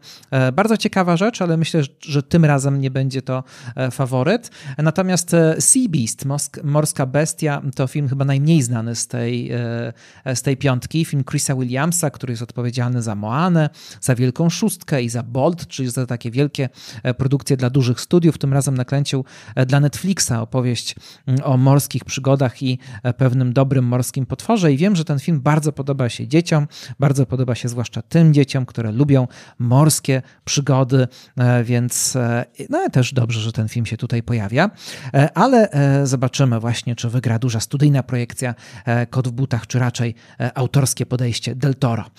Najlepszy film dokumentalny, Całe to piękno i krew, All the Beauty and the Bloodshed Lory Pointas, no to oczywiście film który zwyciężył e, festiwal filmowy w Wenecji. E, opowieść, e, której jeszcze w polskich Chinach nie ma, bardzo przejmująca o uzależnieniu między innymi od opioidów, o tym, co trawi dzisiejszą Amerykę. Laura Pointas, Laura Poitras to reżyserka aktywistyczna, reżyserka, która w swoich wcześniejszych produkcjach zajmowała się bardzo ważnymi tematami dotyczącymi choćby inwigilacji cyfrowej, czy stworzyła film o Julianie Assange'u.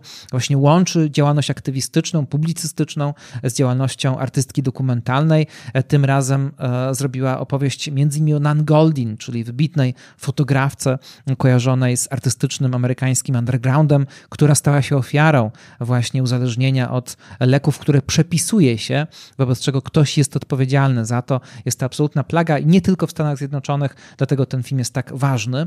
Dom z Drzazg, House Made of Splinters, Simona Lerenga Wilmonta, e, Duńczyka, który e, nakręcił film o domu dziecka w Donbasie, czyli bardzo aktualny temat, Ukraina, jeszcze sprzed tej wojny, która jest teraz, no ale e, ten okręg Donbas, ta, ta, ta, część Ukrainy, no to oczywiście jest teren już wtedy bardzo groźny, a Dom Dziecka znajduje się bardzo niedaleko linii walk. No i jak to wszystko wygląda, można ten film E, zobaczyć na VOD Against Gravity. E, Wulkan Miłości, no to oczywiście film bardzo lubiany, który był w polskich kinach, e, film o Katy i Maurice Kraft, czyli o małżeństwie naukowców, którzy żyli bardzo gorącą miłością do siebie, ale też bardzo gorącą miłością do wulkanów. Ta miłość do wulkanów ich spajała, ale też stała się zabójcza. Film Sary Rozy dostępny na Disney Plus do obejrzenia, jeśli ktoś przegapił w kinie.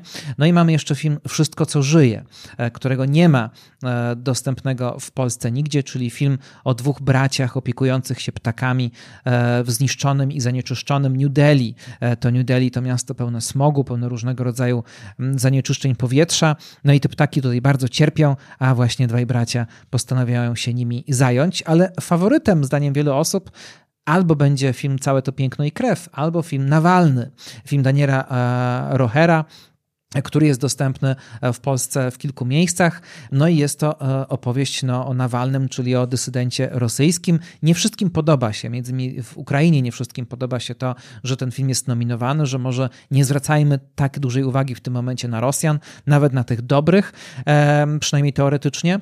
Nawalny E, to opowieść, e, która śledzi bardzo blisko e, działalność Nawalnego od momentu, kiedy wychodzi z niemieckiego szpitala, potem jak został otruty, do momentu, kiedy wraca do Rosji, wiedząc, że zostanie w Rosji, w Rosji aresztowany. Oglądamy wszystko, co się dzieje wokół jego osoby w tym czasie, więc bardzo mocna rzecz. Bardzo na czasie, a Daniel Rocher, reżyser tego filmu, wcześniej stworzył m.in. produkcję pod tytułem Byli sobie bracia o Robbie Robertsonie i zespole The Band, czyli coś teoretycznie z zupełnie, z zupełnie innego świata, ale jest to też e, bardzo e, doświadczony dokumentalista. Dochodzimy do nagród aktorskich. No i tutaj przy aktorstwie drugoplanowym już mamy e, rzeczy czy osoby, które budzą wiele, wiele emocji. Z jednej strony Angela Bassett, e, która dostaje swoją drugą nominację w karierze za Czarną Panterę. E, wygrała już Złoty Glob za tę rolę, natomiast Angela Bassett jest nominowana po raz drugi. E, wcześniej dostała nominację za Tinę. Grała w filmie biograficznym o Tinie Turner już dawno temu. W What's Love Got to Do It ten film był także bardzo popularny w Polsce, kiedy był puszczany na przykład w telewizji. No i to też jest ważne, że Złoty Glob za rolę w filmie Marvela, że wreszcie jakby role w filmach superbohaterskich są doceniane. Zobaczymy, jak będzie przy okazji Oscarów. E, Hong Chao za Wieloryba, czyli e, azjatycka aktorka, pochodzenia azjatyckiego, kolejna. E, Wietnamka, którą znamy choćby z pomniejszenia Aleksandra Payna. Tutaj dostaje nominację za rolę w Wielorybie. Gra Liz, pielęgniarkę i przyjaciółkę głównego bohatera. Mamy tutaj Carrie Condon za Duchy Inisherin, czyli to jest ta kobieta, która jest siostrą Colina e, Farela. Bardzo dobra, też bardzo ciekawa rola takiej postaci, która jakby e, wymyka się tym stereotypom, którymi żyje E, cała ta kraina, w której dzieją się duchy Inisherin. E, Stephanie Su, e, chińskie pochodzenie, grała też w Shang-Chi, a tutaj gra we Wszystko Wszędzie Naraz oczywiście, czyli dwie aktorki azjatyckiego pochodzenia. Tutaj bardzo ważna postać, bo Stephanie Su gra tę córkę, córkę Michelle Yeoh, która, której podejście do życia, podejście do pewnych rzeczy zmusza matkę do pewnych zmian w myśleniu, do porzucenia pewnych przyzwyczajeń. E, bardzo ciekawa rola. No ale mamy tutaj oczywiście też Jamie Lee Curtis za wszystko wszędzie naraz. Ja myślę, że bardzo wiele osób kibicuje Jamie Lee Curtis, e, bo to świetna aktorka, e, kojarzona dotychczas właśnie z kinem popularnym, z takim kinem, które się nie docenia Oscarowo, a to przecież i aktorka ze znakomitym, znakomitym wyczuciem komicznym i z taką sporą jednak wszechstronnością i z taką charyzmą, która być może jeszcze teraz będzie bardziej zauważona. Sama Jamie Lee Curtis twierdzi, że być może to teraz jest najlepszy okres w jej życiu. Została jakby odkryta na nowo, trochę inaczej e, w filmie Wszystko Wszędzie Naraz. No i z pewnością publiczność bardzo liczy na to, że to ona dostanie tego Oscara. Najlepszy aktor drugoplanowy, no tu mamy dwa, mm, dwie role z jednego filmu, czyli Duchy Inisherin, e, Brendan Gleeson e, z jednej strony, a z drugiej strony Barry Keoghan. E, no i to jest bardzo niezwykła postać, ten Barry Keoghan, faktycznie urodzony w 92, irlandzki aktor, którego go znamy choćby z zabójstwa Świętego Jelenia. Człowiek o bardzo charakterystycznej twarzy, o takim bardzo intensywnym, niepokojącym spojrzeniu. Człowiek, który może budzić pewien strach, Tutaj Matt Reeves się zastanawia nad tym, czy nie on będzie nowym Jokerem, już poniekąd nim e, został, no ale zobaczymy, jak to się rozwinie w kolejnym ewentualnym filmie o Batmanie. Natomiast Barry Keoghan miał bardzo tragiczne życie. To jest aktor samouk, e, który wychowywał się w wielu rodzinach zastępczych, miał bardzo nieszczęśliwe dzieciństwo. Z matką biologiczną stykał się tylko w weekendy. E, kiedy miał 12 lat, ona zmarła i to jakby przyniosło kolejne dramaty w jego życiu, a jednak jakoś mu się udało być tym aktorem, którym zawsze chciał chciał być, no i teraz jego pierwsza nominacja z pewnością jeszcze wiele, wiele pokaże. E, mamy tutaj Juda e, Hersha za rolę w Fablemanach. Króciutka rola tego niezwykłego człowieka, który przychodzi w pewnym momencie e, do rodziny Fablemanów, namieszać trochę w życiu głównego bohatera. Druga jego nominacja, pierwsza za zwyczajnych ludzi Roberta, za rolę w zwyczajnych ludziach Roberta Redforda. Znamy go też z filmu Uncut Gems, na przykład braci Safdie. Mamy tutaj jeszcze mm, Briana Tyree Henry'ego, też bardzo lubianego aktora. E, to jest też ciekawe, bo myślę, że w tej, w tej kategorii właśnie najlepszy aktor drugoplanowy, sporo takich osób, które się lubi po prostu e, i które publiczność lubi, a Brian Tyree Henry e, no to mm, człowiek, którego znamy przede wszystkim z serialu Atlanta. Bardzo ciekawy serial, bardzo interesujący, bardzo wymykający się takim tradycyjnym konwencjom telewizyjnym, a tutaj nominacja za film Causeway, czyli Most, można to zobaczyć na Apple TV. Wydawało się, że będzie to taka, taki wehikuł dla Jennifer Lawrence, dla jej takiego powrotu do kina niezależnego e, i kina dramatycznego, no ale akurat Brian Tyree Henry został e, z tego filmu zauważony. No i mamy oczywiście jeszcze Ke Hui Kwana za Wszystko Wszędzie Naraz, czyli ten aktor, który ma niesamowitą historię, który pojawił się e, w Indiana Jones i Świątyni Zagłady, gdzie jako młody chłopiec partnerował Harrisonowi Fordowi, który cały czas ma wielki sentyment do Stevena Spielberga, z którym spotkał się już na rozdaniu Złotych Globów, teraz znowu się z nim spotka na Oscarach i który powraca już jako mężczyzna w średnim wieku do kina, powraca do ról e, i pojawia się w tym wszystko wszędzie naraz, robi furorę. No i jest to taka bardzo hollywoodzka też historia jego powrotu. E, właśnie to też taka kolejna osoba, którą bardzo się lubi. E, najlepszy aktor pierwszoplanowy, no to jest tutaj Austin Butler, czyli Elvis, jest Colin Farrell za Duchy i Sherin, jest Brendan Fraser za Wieloryba, być może nie dostanie tego Oscara właśnie z tego powodu, że jest ten nieszczęsny faciut, że jest zbyt dużo zamieszania e, wokół tej roli, ale nominacja jednak jest, zobaczymy. Paul Nye za Living, czyli ten film, do którego napisał scenariusz Kazuo Ishiguro, już o tym filmie trochę mówiłem i o tej roli i tym aktorze.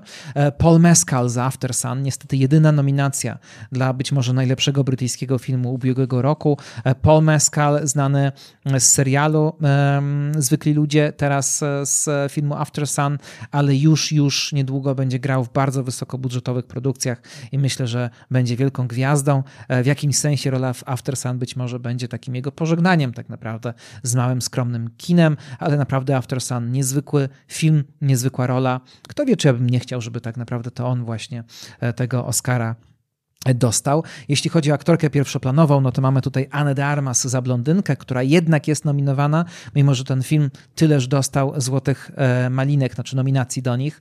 E, mamy tutaj Kate Blanchett za Tar, to dość oczywiste. Mamy Michelle Williams za Fablemanów i Michelle Yeoh za Wszystko Wszędzie Naraz i oczywiście e, to jest chyba taka ulubienica publiczności.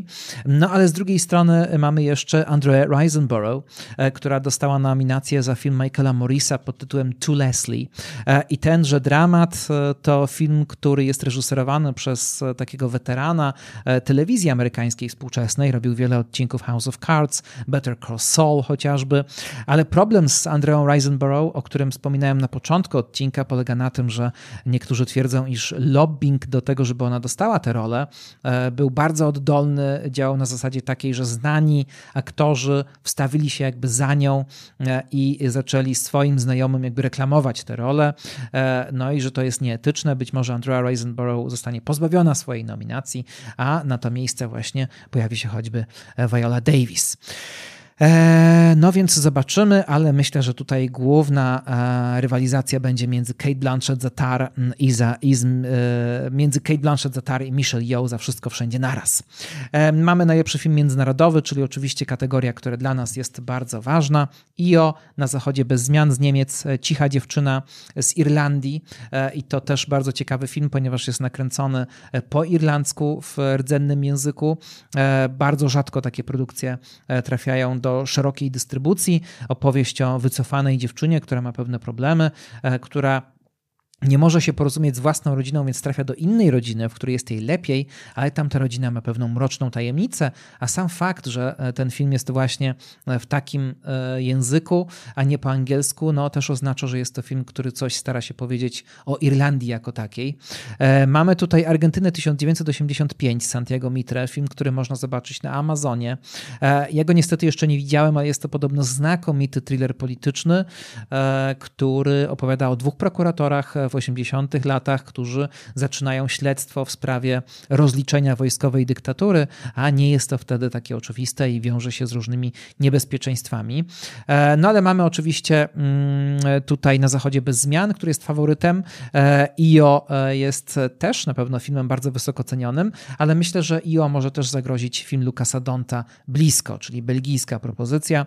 Bardzo poruszający film nagrodzony na festiwalu w Cannes i który niedługo już wejdzie do polskich kin. Opowieść o dwóch chłopcach, których łączy bardzo bliska więź, ale ta bardzo bliska więź spotyka się z brakiem akceptacji ze strony rówieśników w nowej szkole, w której ci chłopcy się pojawiają i to będzie miało swoje bardzo dramatyczne konsekwencje. E, no piękny film e, i e, moim zdaniem IO tutaj jest na trzecim miejscu. No i w końcu dochodzimy do dwóch głównych kategorii. Najlepsza reżyseria, Martin McDonagh za Duchy Jeni Sherin, Steven Spielberg za Fablemanów, Todd Field za Tar, Ruben Ostlund za W Trójkącie i Danielsi za Wszystko Wszędzie Naraz. Ja podejrzewam, że jednak Danielsi mogą dostać tę nagrodę, chyba że ewentualnie Todd Field dostanie za Tar. E, no zobaczymy, ale myślę, że e, ostatecznie fakt, że wszystko wszędzie naraz zostało tak docenione, z pewnością bierze się też z pewnych szalonych pomysłów, e, które w tym filmie się pojawiają, więc nie byłoby w tym nic niezwykłego, gdyby to Danielsi za swój film dostali. No i mamy tę najważniejszą nagrodę, najlepszy film. Avatar Istota Wody, Duchy i Sherin, Elvis, Fablemanowie na zachodzie bez zmian. Bardzo ciekawe, że ten film tutaj wchodzi do głównej kategorii Tar, Top Gun Maverick w trójkącie, Women Talking, Sarah Polly i Wszystko Wszędzie Naraz. No i to jest ostatnia okazja, żeby trochę powiedzieć więcej o tym Women Talking, Sarah Polly. Film, który też wejdzie do polskich kin niedługo. E, książka, jeśli dobrze pamiętam, również jest po polsku e, wydana. Sarah Polly, e, bardzo ciekawa aktorka, która powoli stała się też taką niezależną artystką, aktywistką i reżyserką. No a film e, z Rooney Marą między innymi opowiada o e, autentycznych wydarzeniach jest adaptacją książki Miriam Taves, e, czyli kobiety, która wychowywała się jako menonitka. E, to jest taka e, mniejszość religijna, bardzo restrykcyjna. I to menonickie doświadczenie sprawiło, że dowiedziała się o innej wspólnocie menonitów, boliwijskiej wspólnocie menonitów, w, którym, w której dochodziło do strasznych rzeczy, mianowicie kobiety, które były częścią tej społeczności, były wykorzystywane seksualnie przez mężczyzn, ale były jednocześnie traktowane w taki sposób, żeby wmówić im, że to wszystko, co się działo, e, to był ich wymysł, to był jakiś sen, to był rodzaj jakiegoś zbiorowego szaleństwa, no ale że to wszystko nie istniało naprawdę, tak zwany gaslighting tutaj e, ma bardzo duże znaczenie, bardzo poruszający film. Niektórzy właśnie twierdzą, że powinien mieć więcej nominacji, no ale chociaż tutaj się pojawia w tej głównej kategorii. E, ciekawe, że mamy takie komercyjne filmy jak Top Gun Maverick, który oczywiście jest bardzo nietypowym blockbusterem, który jakby przywraca taką wiarę w blockbustery w starym stylu, e, które nie są tylko widowiskami tworzonymi w komputerze. E, z drugiej strony Avatar Istota Wody i są tacy, którzy twierdzą, że to Cameron dostanie tego Oscara, dlatego że Avatar w jakimś sensie uratował kina. To znaczy naprawdę wiele osób na ten film do, do kina się wybrało, e, no i to sprawiło, że jest to jakiś ratunek ewentualny dla branży. Zobaczymy, to może być wielkie zaskoczenie, ale kto wie. No a z trzeciej jeszcze strony w trójkącie Rubena Ostlunda wydaje się być takim bezpiecznym E, typem, dlatego że jest to film e, nagrodzony już w Cannes. E, gdyby nagrodzić ten film, no to można powiedzieć, że jest bardzo szlachetna akademia, ponieważ zwraca uwagę na problemy społeczne. Ruben Ostlund jest coraz ważniejszym nazwiskiem w świecie kina, więc warto go też zauważyć. No i y, to będzie takie trochę salamonowe wyjście być, być może. Ja zakładam, że e, kto wie, czy to właśnie w trójkącie nie dostanie tej głównej nagrody, ale może to być też Tar, może to być, mogą to być Duchy i Nisherin, zobaczymy, zobaczymy. To kolejny taki rok właśnie, gdzie nie jest takie oczywiste, kto tego głównego Oscara e, dostanie, e, no ale dowiemy się o tym wszystkim już 13 marca. Oczywiście kibicujemy Jerzemu Skolimowskiemu, ale też każdy ma oczywiście swoich faworytów, a po tej nocy znowu się odezwę. Znowu będzie kolejny odcinek, w którym będę komentował jak rok temu to, co wydarzyło się na Oscarach, oby było ciekawiej, jeśli chodzi o werdykt, jeśli chodzi o samą galę. Ja się już żegnam, bardzo dziękuję za ten dość długi czas, ale mam nadzieję, że było e, ciekawie. E, natomiast kolejne odcinki już niedługo. Zanim David Bowie, jego role filmowe, które kiedyś obiecywałem, to jeszcze wcześniej odcinek o innym Davidzie, ale nie do końca o nim, a raczej o jego współpracowniku, bardzo, bardzo ważnym i David Bowie też tam się na chwilkę pojawi. Także dziękuję bardzo, do usłyszenia, żegna się Karol Szafraniec.